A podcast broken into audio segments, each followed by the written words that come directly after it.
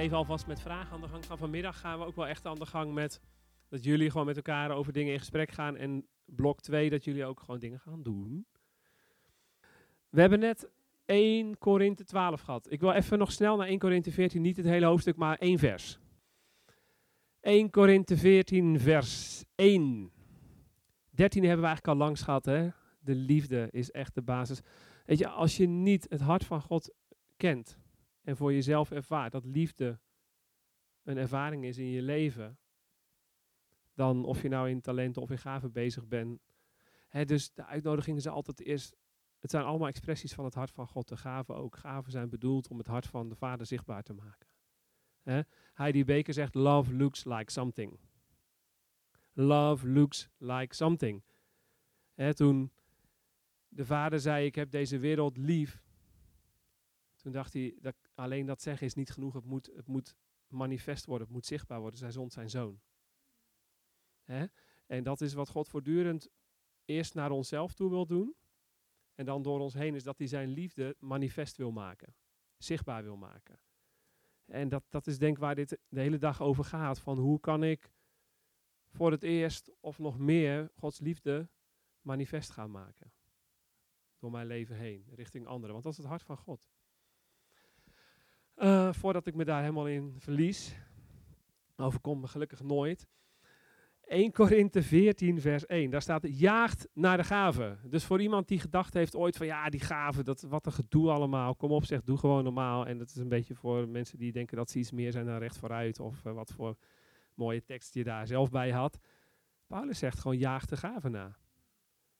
Is niet een, een optie van, nou, je zou eens kunnen overwegen of je iets met de gave wil. Hij zegt, het is een opdracht, jaag naar de gave. Dat is ook niet passief, hè, van nou, als ik een gave heb, gaat dat vast op een dag in één keer, terwijl ik op mijn stoel zit, functioneren.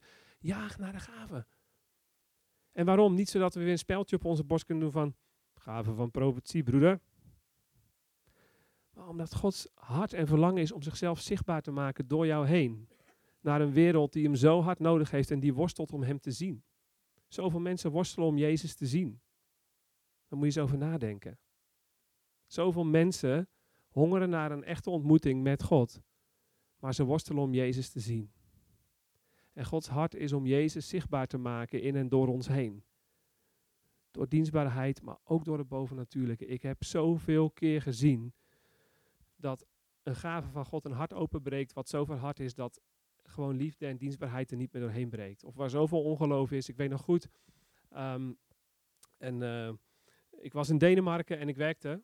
Uh, ik heb nooit fulltime in de bediening gewerkt. What, whatever that may be, de bediening. Als je in de bediening wil werken, moet je bij een restaurant met een dienblad rond gaan lopen, volgens mij. Dat is bediening.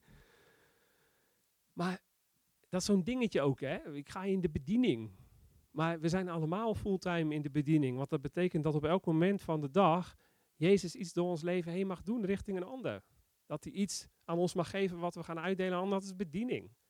En ik, we hebben ergens nodig dat we ook daarin ons denken gaan vernieuwen. Want we hebben zulke vastgezette beelden en daarmee zetten we onszelf vast en zetten we God vast.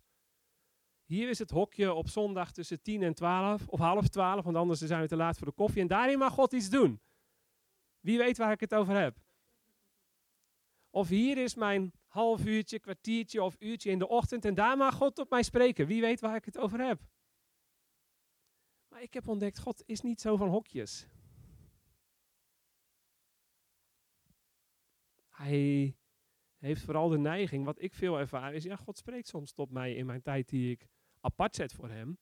Maar veel vaker spreekt hij tot mij in de tijd die ik niet apart zet voor hem. Ik hoor mensen, ik ben echt blij dat ik, ik voel me helemaal thuis nu. Dit was mijn zoektocht van 40 jaar. Ik heb eindelijk een groep gevonden die mij Nee, maar, maar ja, jullie zijn pastoraal. Oh ja, dat had Kostje niet veel. Het is eigenlijk een pastorale teamtraining en ik ben het, het leidend voorwerp, zal ik het maar even noemen. Of ik meewerkend word. En Kost zei van nou tegen, tegen Oscar, laten we John kiezen, want als die gasten John er doorheen gebeden krijgen, dan, dan kunnen ze alles aan. Dus wat eigenlijk de hele middagsessie is, dat jullie dat gaan doen.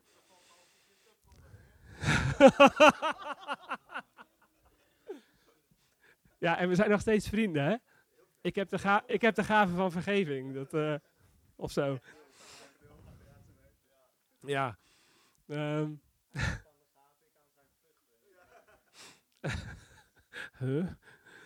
Ehm, maar, maar, maar jaagt, jaagt de gave na. Jaagt ze na. Dus dat is, jullie hebben vanaf vandaag geen optie meer, want je had eerder kunnen zeggen, ik kende die tekst niet, nu ken je hem. Dus vanaf nu, als je de gave niet na gaat jagen, ben je ongehoorzaam aan God. Nee, dat klinkt wel heel streng, hè? I'm just kidding, I'm just kidding. Ook al is het waar. maar, maar staat er dan maar. Maar er is een escape. Er is een escape. Hey, voor iedereen die nu denkt, oh my goodness, was ik hier maar nooit gekomen. Dan leefde ik in heerlijke onwetendheid. Nou, staat er, maar vooral dat je zult profiteren, hoor ik een hoop mensen zeggen.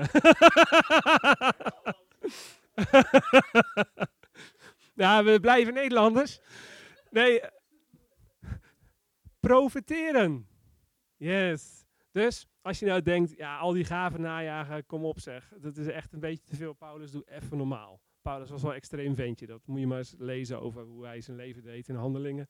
Ah, ik denk niet dat hij, als hij een vaste voorganger was, voor mij was dat waarom hij reizende bediening had. Want als je die man op een vaste gemeente zet, dan is dat doe je als je gemeente wil opdoeken, zeg maar. Dan laat je Paulus voorganger zijn van die gemeente. Alles is zwart of wit, weet je wel. Ja, ook weer een breek in zichzelf. Doe maar. maar er staat dus, jaag de gave nou, maar vooral dat je zult profiteren. En het woord profiteren kan hier ook vertaald worden. Basic English Translation. Special for you. Dankjewel. But most of all, that you may have the prophet's power. Dus, maar vooral dat je zult profiteren. Andere vertaling, but most of all that you may have the prophet's power. Dus dat je de bediening van het profetische zult hebben. Een andere vertaling, but most of all that you, it's again English, they understand it, eh? Well, I hope. Flow in the prophetic. So, flow in the prophetic. Flow in the prophetic. Dus hij zegt, jaag de gave na, voor degene die geen Engels spreekt, denken, wat, heeft hij het over? Dat je je mag bewegen in het profetische. In het profetische. Daar kun je in ieder geval geen profiteren meer van maken, dat, dat helpt hè. Ehm, en dan, ik ging mezelf afvragen toen ik dat las, serieus, want ik had dit, nou niet net voordat ik hier kwam, maar toen ik dit, weet je wat soms mooi is? Dat God je, ik werd in een kerk gevraagd om te spreken over de gaven en dat is best wel een onderwerp wat me interesseerde, maar op een of andere dacht ik, ik moet daar zelf opnieuw induiken. En wat ik zo cool vind is dat Gods woord is niet eenmalig dat je een tekst leest en je krijgt een inzicht en je denkt ik heb hem begrepen. Maar wat ik in ieder geval ervaar is dat je keer op keer op keer peil je eigenlijk lagen af van openbaring die God in het woord verstopt heeft gelegd. En dus in één keer, ik lees vaak veel vertalingen ook naast elkaar, hè, want vertalers hebben gezocht hoe kunnen ze datgene wat er gezegd is zo goed mogelijk vertalen. En soms raakt een Nederlandse vertaling mij in mijn hart. En de andere keer is het de Passion Translation, en de andere keer is het de Amplified. En dus ik wil je ook aanmoedigen, lees verschillende vertalingen naast elkaar. Want daarmee creëer je ook weer ruimte voor God om tot je te spreken. Oké? Maar flow in the prophetic. En waarom dan? We hadden het net over E.W. Tozer. Hè? En dat ging heel erg over, zijn we nou bezig in het natuurlijke of zijn we bezig in het bovennatuurlijke? En we hebben inmiddels wel geleerd, allebei is belangrijk. Hè? Dank je wel nogmaals. Dat vind ik echt cool. Ik zei net tegen jou ook van vragen uh, helpen om voor iedereen dingen te begrijpen, maar ook voor mij om het weer beter te begrijpen. Want anders dender ik gewoon lekker mijn, uh, mijn riedeltje af. Hè? Dus dat, dat vind ik echt fijn. Onderbreek me maar, challenge maar. En ik weet niet overal het antwoord op. En soms krijg ik uh, in één keer een heel nieuw idee. Uh, doordat jij een goede vraag stelt of iemand anders een antwoord geeft. We leren met elkaar. Um, maar dat zei hij, van het bovennatuurlijke. En ik denk dat een van de grootste issues met christelijke activiteiten, laat ik het maar zo zeggen, is dat we dingen zeggen of dingen doen en dan hopen dat God het zegent. Heel veel gebeden zijn ook daarop gericht. Heer, wilt u komen in onze dienst? Heer, wilt u, we gaan dit doen, wilt u dat zegenen? dat, hoe, hoe, vaak heb je zulke soort gebeden gehoord? Of misschien zelf wel gebeden. Of zelfs in de aanbidding, dat we zeggen, kom, kom, kom. Hoezo kom? Waar moet God dan vandaan komen? Ja, we lachen, maar we staan al met onze handen naar de hemel. En als het een teken van overgave is, is het goed. Maar als het is omdat je denkt dat het van boven moet komen, dan moet je je Bijbel gaan lezen. Nabij u is het woord in uw hart. Christus in u de hoop op heerlijkheid. Colossense 1, vers 27. He is right here. Heer, wilt u komen? Maar waar vandaan dan? ik denk dat aanbidding veel meer gaat, maar dit is even een side note. Dat wij van ons hoofd reizen naar ons hart, want hij is al in ons hart. En wat er gebeurt als je de aanwezigheid van God gaat ervaren, is niet dat God hier de kamer binnenkomt lopen, maar dat jij van je hoofd naar je hart bent gegaan. En he was right there waiting for you. Heb je daar ooit wel eens over nagedacht? Aanbidding is niet wat we hier doen. Aanbidding heeft niks te maken met wat we. Het, het enige wat hier gebeurt is dat mensen bezig zijn om jou in een atmosfeer te brengen waar je vanuit je hoofd naar je hart kan. Waar je vanuit je ziel naar je geest kan. Because God is spirit. Hij is geest. En wie hem wil aanbidden, moet hem aanbidden in geest en waarheid. Maar we doen al onze christelijke kunstjes. En voor we het weten zijn we daar zo in. We get lost. Terwijl het enige wat je nodig hebt om Gods aanwezigheid te ervaren, om Gods stem te horen, is reizen van je hoofd naar je hart. En wat daar ook voor jou voor werkt. Als heel veel herrie van het podium voor jou niet werkt, maar je wil stil in een hoekje op de grond gaan liggen en dat zorgt dat jij in je hart kunt komen, be my guest. Want het doel is niet deze liederen zingen, het doel is niet naar mij luisteren, het doel is dat je van je hoofd in je hart komt. En het enige waar kerkdiensten in dit opzicht, hè, ik kader hem nu even goed in, overgaan met christelijke activiteit, is dat het dingen zouden moeten zijn die ons helpen om te reizen van ons hoofd naar ons hart. Want dat, dat is waar hij woont. Heb je daar wel eens over nagedacht? God gaat niet van buiten ergens langskomen. Er is een dimensie van God. Het is niet een onderwerp voor nu waar God zich kan manifesteren in een zaal of zelfs in een plaats. Maar in beginsel het ervaren van Gods aanwezigheid, van zijn kracht, van zijn stem, is doordat jij waarlijk zegt, David, mijn ziel keert zich immer stil tot God. Hm. En misschien is dit wel de meest essentiële openbaring die God je vandaag wil geven.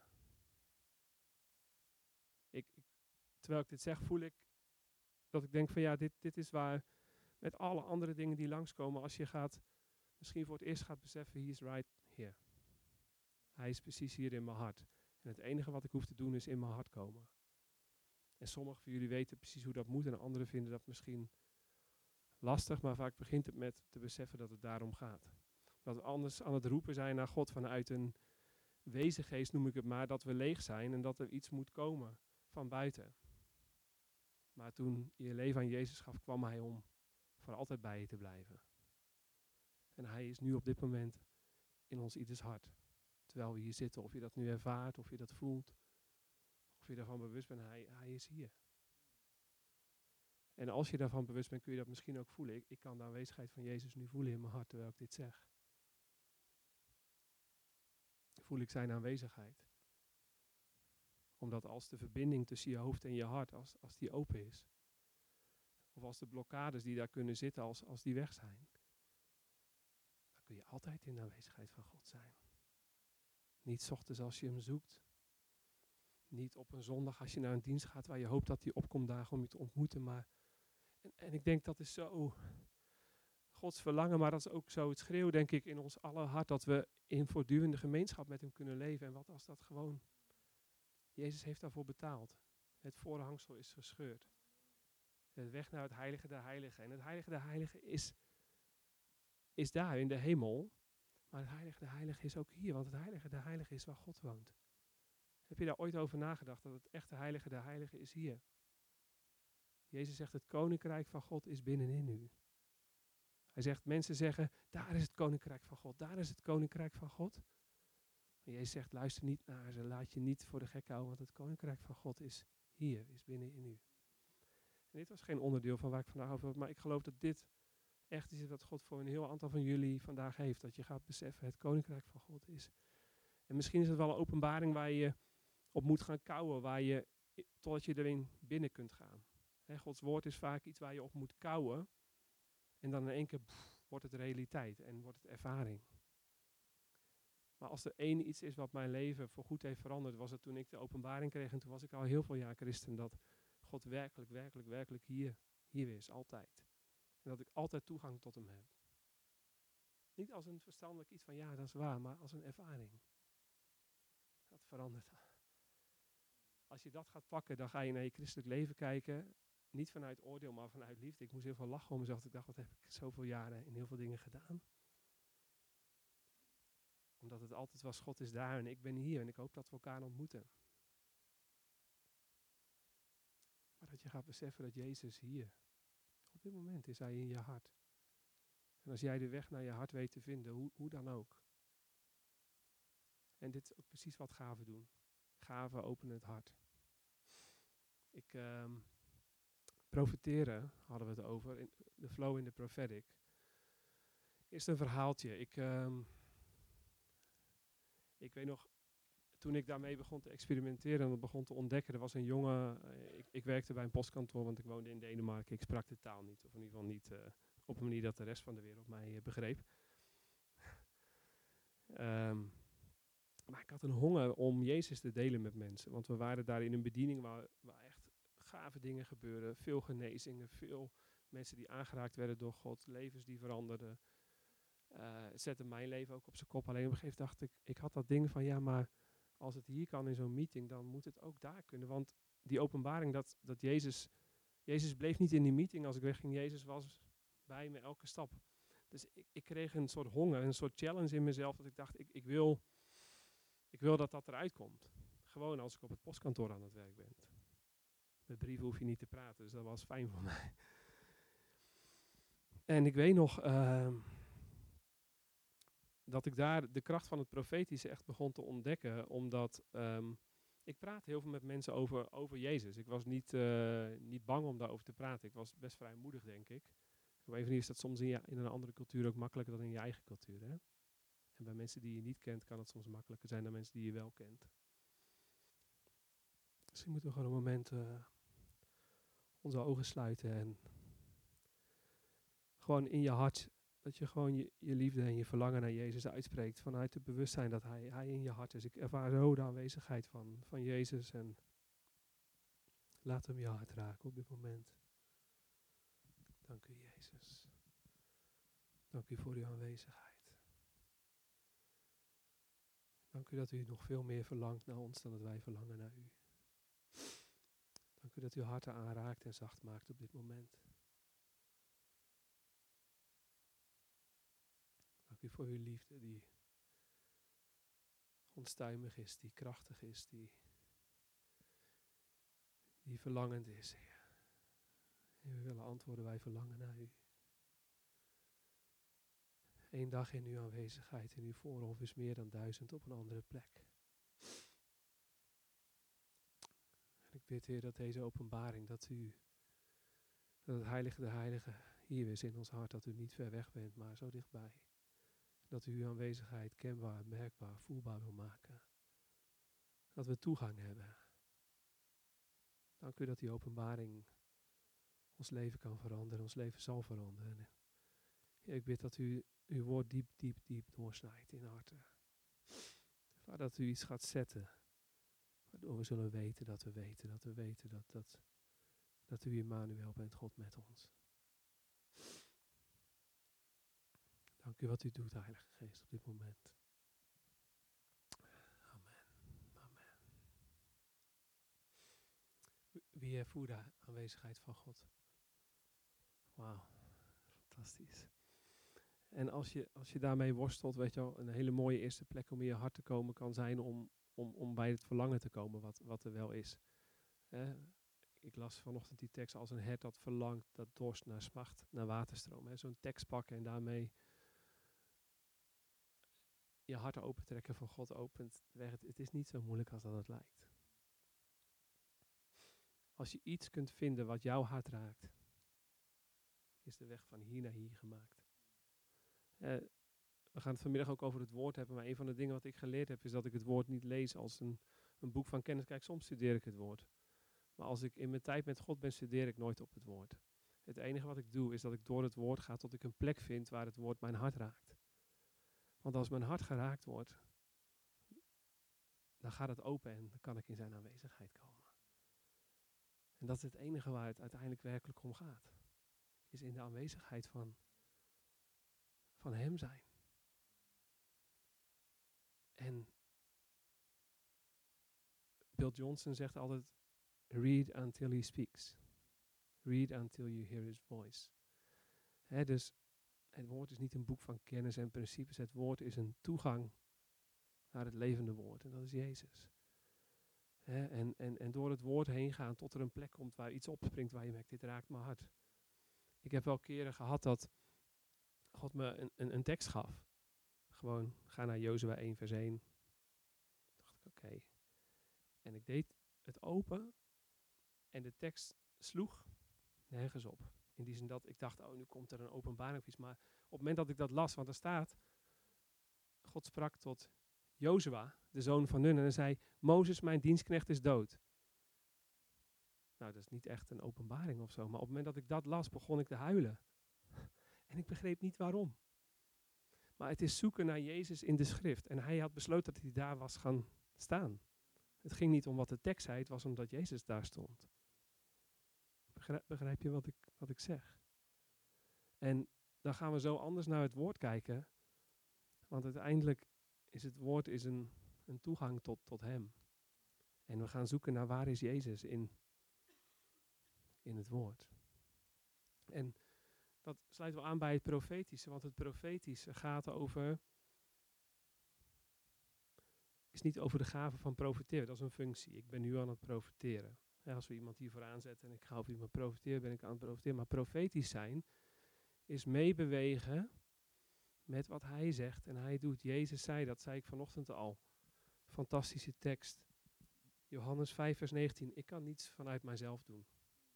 Wij kunnen het woord van God ook niet begrijpen. We kunnen niet dingen doen op onze natuurlijke modus. Ik doe alleen wat ik de Vader zie doen.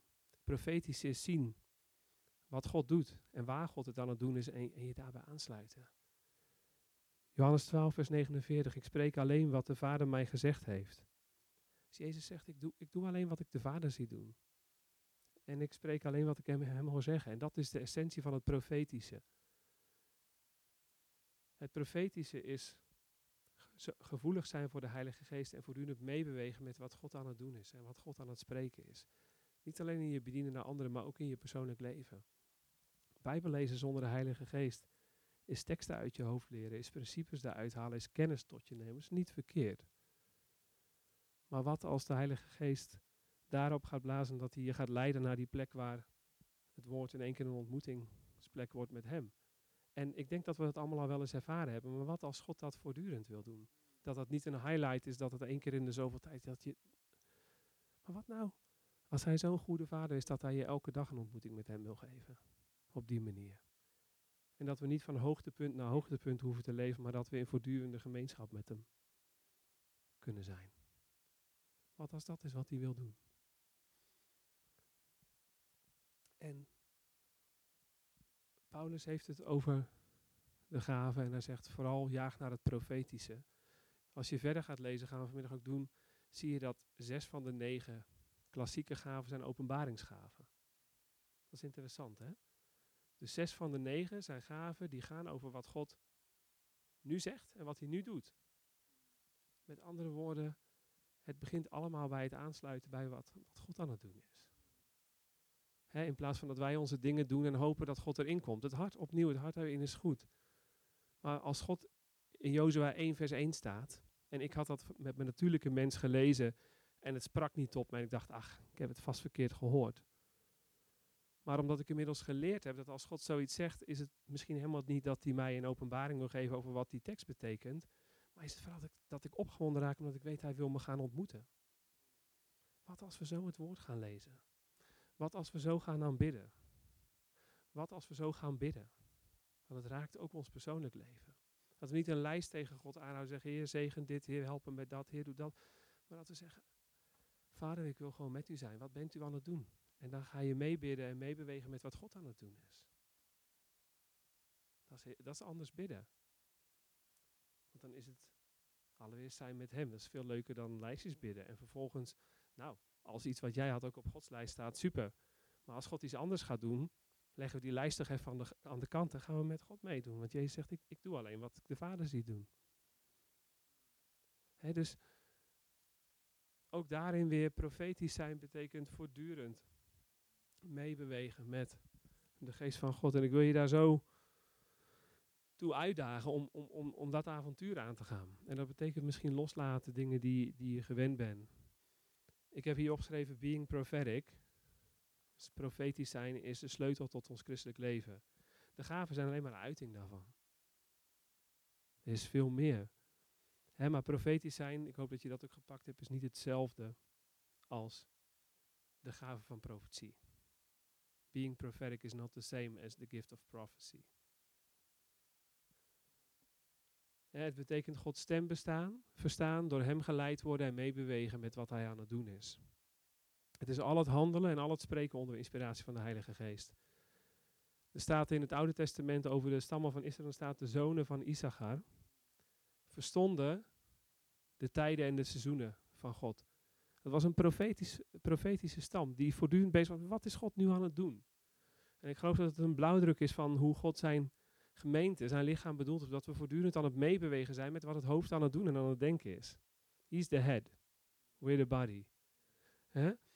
En daarom denk ik ook dat Mozes, uh, dat was zijn hartekreet. Op een gegeven moment zie je dat de oudste van de stammen, dat, dat Gods geest daarop valt en dat ze aan het profiteren zijn. Al die leiders van die stammen zijn aan het profiteren. Super cool, weet je wel. Zeker in het Oude Testament, want dat was uitzonderlijk. De geest kwam op momenten en ging weer weg. Dat is het modelletje wat wij nog veel in ons hoofd hebben. Dat de geest komt en weggaat, terwijl die in ons hart zit. En dan op een gegeven moment heb je Eldat en Medat heten die gasten volgens mij. En die wilden niet meedoen met die profetische uh, gathering waar Mozes dan uh, leiding aan gaf. Die, die waren gewoon lekker hun eigen dingetje aan het doen in hun tent. Wel aan het profiteren. En dan komt een van die oudsten heel uh, gedienstig, hè, in het belang van Mozes. Mozes, Mozes, die twee gasten die doen helemaal niet met ons, maar die zijn daar aan het profiteren. Wat vind je daarvan? En dan, want dat is toch helemaal niet volgens uh, het boekje. En ik denk dat hij verwacht dat Mozes zegt, nou dat kan echt niet. Je doet het of hier op onze manier, onder mijn leiding, of niet. Maar Mozes, die had begrepen wat het hart van God werkelijk was. Want hij zei, laat ze hun gang gaan. Sterker nog, ik zou wel wensen dat het hele volk profiteerde. Dat het hele volk profetisch was. Want hij snapte dat het hartsverlangen van God was dat niet een paar mensen af en toe geleid werden door Gods geest, maar dat zijn hele volk voortdurend luistert naar zijn stem, meebeweegt met zijn geest. En de oproep die Paulus doet in 1 Korinthe 14 vers 1, is dat je je hart gaat openmaken voor die dimensie waar God voortdurend door je heen wil bewegen, tot je wil spreken. En daar wil ik je voor de lunch mee, mee laten. En ja, wat ik zei, dat was niet een onderwerp voor vandaag. Maar de openbaring dat Hij in je hart is, dat Hij aanwezig is. Want al deze dingen waar ik het over heb, vloeien uit het kennen van Zijn aanwezigheid. En ik geloof dat God iets wilde laten proeven van wat Zijn aanwezigheid is en hoe eenvoudig het is om daar, om daar te zijn. Moest nog denken aan, uh, aan één ding. De kracht van stilte. We waren nu eventjes stil. En ik moest denken aan het verhaal van, uh, van Jozua bij Jericho. Dan omsingelden ze zes keer Jericho. Maar dan moesten uh, die gasten, die moesten allemaal stil zijn. Zes dagen, of niet zes dagen, maar elke dag moesten ze eromheen lopen in stilte, in rust. En ik dacht heel vaak van, ja, anders gingen ze klagen en zeuren van, joh, waarom moeten we zoveel lopen en wat voor nut heeft het? Maar de kracht van stilte, om, om dicht bij jezelf te komen, en dicht bij God te komen. En uiteindelijk de zevende dag maakte ze een geluid met die ramshoorn en kabaal. Toen stortte de muur in. En uh, daarmee wil ik jullie zegenen. Van, uh, praktiseer rust en stilte in je leven. En dan kunnen muren op een bovennatuurlijke manier uh, naar beneden gaan.